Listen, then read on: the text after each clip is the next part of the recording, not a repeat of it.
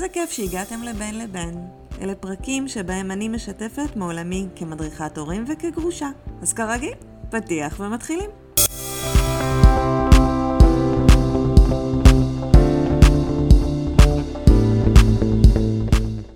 היי, ותודה שחזרתם.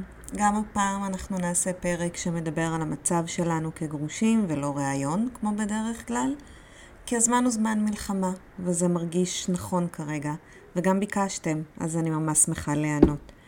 היום אנחנו נדבר על uh, פרק ב', מה קורה כשפרק ב' במלחמה, איך אנחנו מתמודדים עם כל הקשיים האלה, ויאללה, בואו נצא לדרך. כששרטטתי לעצמי את המפה הזאת של פרק ב', מצאתי לפחות תשע קואליציות שמתקיימות באמת בדבר הקטן ביותר, בזוג עם ילד משלהם, כשלכל אחד מהם ילדים קודמים. יש כל כך הרבה אינטראקציות וכל כך הרבה סיבוכים, שהופכים את פרק ב' למשהו הרבה הרבה יותר מסובך מפרק א'. אם בפרק א', לפי הסטטיסטיקה, אחד מכל שלושה זוגות תתגרשו, בפרק ב' זה עולה לשניים מתוך שלושה. כלומר, יש לנו 60% סיכוי להתגרש בפרק ב'. למה? מה, לא למדנו שום דבר מפרק א'? האמת היא שזה לא באמת קשור לזה. יכול להיות שלמדנו, יכול להיות שלא. זה קשור לכל הלחצים שמופעלים עלינו בפרק ב'. אז בואו נגיד שהתגרשנו. ובואו נגיד שיצאנו לשוק הפנויים פנויות ומצאנו בן ובת זוג שממש מצאו חן בעינינו. ויש קליק וזה עובד וזו האהבה הכי גדולה שהייתה לי בחיים. ויאללה, פרק ב'. אז למה אנחנו באמת נכנסים? אנחנו נכנסים למערכת יחסים שבה לפחות לאחד מבני הזוג יש ילדים מבן זוג קודם. מה שאומר שחוץ מהאינטראקציה שלי מול בן הזוג שלי, יש לי גם אינטראקציה עם הילדים שלו, ויש לי גם אינטראקציה עם גרושתו, שהיא והוא ביחד, בהורות משותפת, מגדלים את הילדים. כלומר, אני לא אימא שלהם, יש להם אימא, אני לא מחנכת אותם, אבל הם כן חלק מהחיים שלי. זה קצת מוזר. יכול להיות שהילדים לא אוהבים אותי, יכול להיות שאני לא לגמרי מסתדרת עם הילדים. זה לא deal breaker בעיניי. צריך להיות שם איזשהו כבוד בסיסי. אף אחד לא חייב להתאהב באף אחד. אבל הם נעשים חלק מהחיים. ואני שומעת עכשיו המון המון אה, סיפורים על אה, אימהות משלבות, ככה קוראים להם, לאימהות בפרק ב', שהבן של בן הזוג שלהם ושל הגרושה שלו נמצא בצבא והן נורא דואגות, כי הוא חלק מהמשפחה שלהם. וכמה זכות יש להם, הרי זה לא אימא שלהם, לאימא שלהם יש זכות ראשונית. חוץ מזה, אתם יודעים, אה, מלחמה. מלחמה בחוץ. וכל מה שהיה לו בסדר קודם, הקצין. אם קודם היו לי בעיות עם איך הבת שלו מדברת אליי, עכשיו זה כבר מוקצן, כי אני כל כך רגישה וכל כך דרוכה שהכל הכל מקפיץ אותי. ואם קודם הוא והבת שלי לא הסתדרו, עכשיו הם כבר בפיצוצים. וזה מגיע אליי, כי הוא לא יכול לחנך אותה, אז אני צריכה להגיד לה, ואני באופן טבעי בעד הבת שלי, כי היא הבת שלי, אז מה עושים כאן? ומה קורה כשהגרושה שלו מכניסה את הדברים שלה, והגרוש שלי? ואולי בכלל הילדים אה, מפחדים להיות אצל האימא כי אצלנו יש ממ"ד, אז הם מגיעים אליי, ואז עם כל הלחץ הזה יש לי עוד שני ילדים בבית. קיצור בלגן, בלגן פרק ב' מביא איתם לחצים שלא ידענו בפרק א'. אז מה בכל זאת עושים? אז נתחיל בכלל הראשון. לא מגיעים להחלטות חשובות בזמן מלחמה, או בזמן משבר, או בזמנים קיצוניים, כי בזמנים קיצוניים אנחנו לא אנחנו. אנחנו נמצאים באיזשהו הלם או שיתוק או אובר פעולה. יש לנו מנגנונים שעובדים, זה בכלל לא אנחנו. אז אנחנו לא, לא מפרקים חבילות בזמנים כאלה, למרות שבאמת יש עכשיו גל נורא של פרדות. ואנחנו משתדלים אה, לאטום את האוזניים ולהגיד, טוב, אה, יאללה, בוא נעבור את הדרך הזו יחד. אם אתה צריך אה, חדשות כל היום ואני לא יכולה לסבול את זה, אם אתה צועק ומתפרץ, אם הילדים לא ממש בסדר, אנחנו צריכים למצוא דרך להכיל את זה. אם הגרושה שלך מתחילה להתערב לנו בכל דבר, או אם הגרוש שלי מתחיל לתת אה, את הדעות שלו, אנחנו צריכים לא לתת לרעשי הרקע להיכנס פנימה. יש חוק לא כתוב בפרק ב' שאומר, הילדים באים קודם. והחוק השני בפרק ב' זה, תסתכלו על החוק הראשון. כלומר, הילדים שלנו תמיד יגיעו קודם, זה סדר הדברים. הם uh, צריכים לקבל עדיפות על כל דבר. אבל לא כזו שהם יפוצצו לנו את פרק ב'. אז עכשיו אני צריכה לדאוג לילדים שלי, והוא צריך לדאוג לילדים שלו, ואולי אנחנו צריכים לדאוג גם לילדים המשותפים שלנו. אז מי קודם? למי דואגים יותר? מה קורה? זאת אומרת, כל המריבות מחריפות. אז אמרנו שהדבר הראשון הוא באמת ש, שלא מגיעים להחלטות, והדבר השני הוא לזכור תמיד שאנחנו צוות, שמי שמנהל את כל האופרציה הזו זה אנחנו, זה אתה ואני. ואנחנו לא יכולים לתת להמון המון דברים להיכנס למרחב שלנו, כי זה יהרוס אותו, זה יפוצץ אותו. ולפעמים אנחנו קצת עסוקים בילדים ואנחנו לא שמים לב לבן הזוג, ולפעמים אנחנו עסוקים בחרדות שלנו.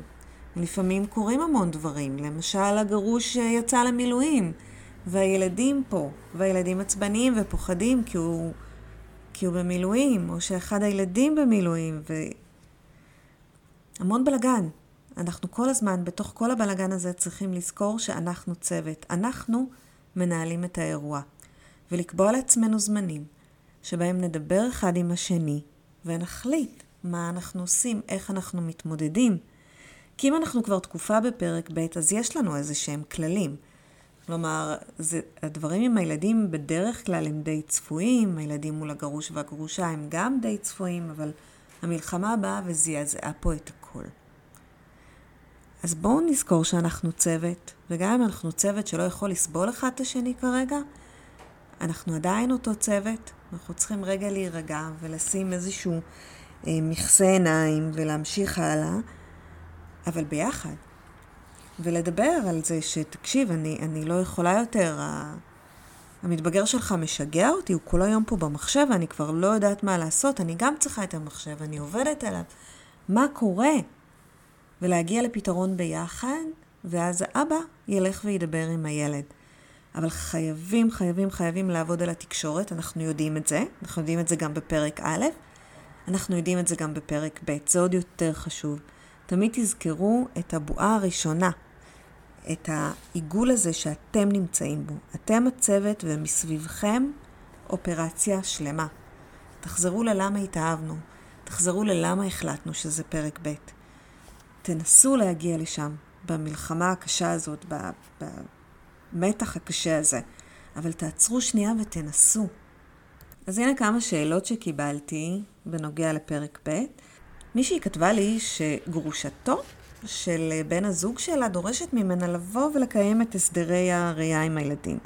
הגרוש הלך לצבא במילואים, האמא מתמוטטת כי הילדים אצלה 24-7 ומתקשרת אליה ואומרת לה, תקיימי את זמני השהות. והיה נכון, לא באמת יודעת איך uh, מתמודדים עם זה. היא עצמה כתבה לי שהיא חושבת שאי אפשר לבוא בדרישה כזאת, ההסדרים הם uh, מול הגרוש שלה ולא מולה, יש בזה משהו. ובואו נזכור שמלחמה.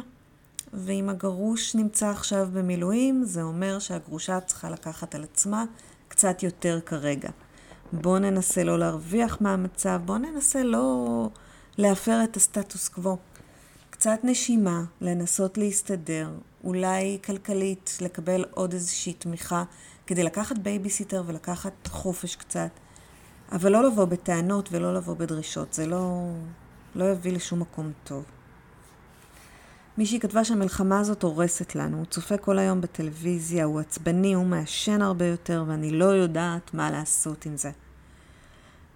אז במקרה הזה אני נורא ממליצה לא להתייחס. כאילו, פשוט לא לעשות שום דבר, לעצום עיניים ולהמשיך הלאה. זה ייגמר, הדברים יחזרו לקדמותם. נסו להתאפק עם ההחלטות ועם המלחמות כרגע. מדברים איתי על... Uh, אני מוחרמת על ידי הבנות המתבגרות שלו. מה עושים? אז אני חושבת שאת לא צריכה לאהוב אותם, הם לא צריכים לאהוב אותך, זה לא חייב להיות ככה, זה, זה בונוסים, כן, אבל בענייני מתבגרים, וואלה, זה קשה. כי הם הופכים את עצמם לנשק, וככל שתנסי להתקרב אליהם יותר, ככה הם יתרחקו יותר.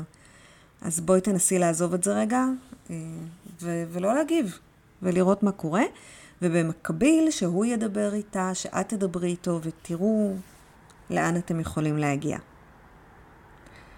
מישהי כתבה, בעלי עזב למילואים ואני נפגשת עם גרושתו בשביל הילדים. איזה מקסים זה. זה סתם היה יפה.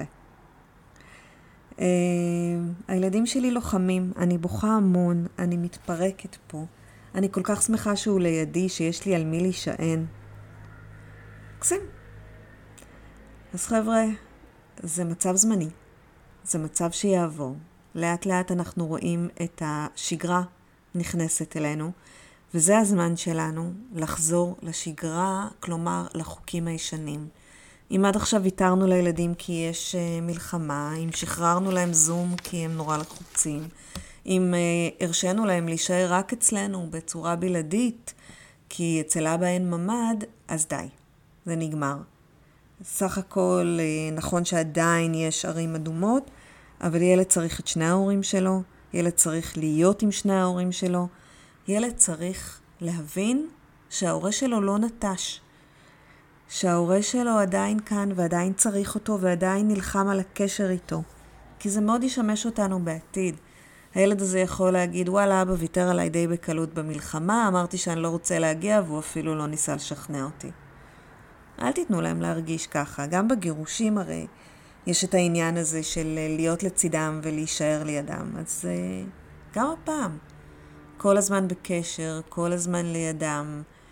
כשאבא חוזר uh, ממילואים, תנסו שהם לפחות ידברו, בטח יישן איזה יומיים, אבל תנסו שהוא יראה אותם, שהילד לא ירגיש נטישה מאף כיוון ומאף צד. וזהו בינתיים. אני מקווה שבמהרה נוכל לחזור לפורמט הרגיל. אמן שהשבויים יחזרו אלינו כמה שיותר מהר ושתסתיים המלחמה בניצחון מוחץ שלנו. להתראות.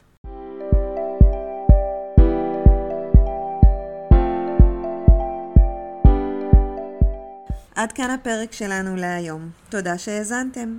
אם אהבתם את הפרק, או שאתם חושבים שיש מישהו שחייב לשמוע אותו, אשמח שתעבירו או תשתפו אותו ותעזרו לנו להגיע ליותר מאזינים. אם אתם מרגישים שאתם צריכים עזרה עם הילדים והמשפחה החדשה שבניתם, אם אתם צריכים הכוונה או מרגישים שאתם מאבדים את הילדים, אתם מוזמנים לפנות אליי בוואטסאפ או דרך האתר www.maya.com. באתר גם תמצאו מידע נוסף בכל מיני נושאים. אתם מוזמנים לחפש אותנו בפייסבוק ובאינסטגרם. תוכלו לעקוב אחרינו שם.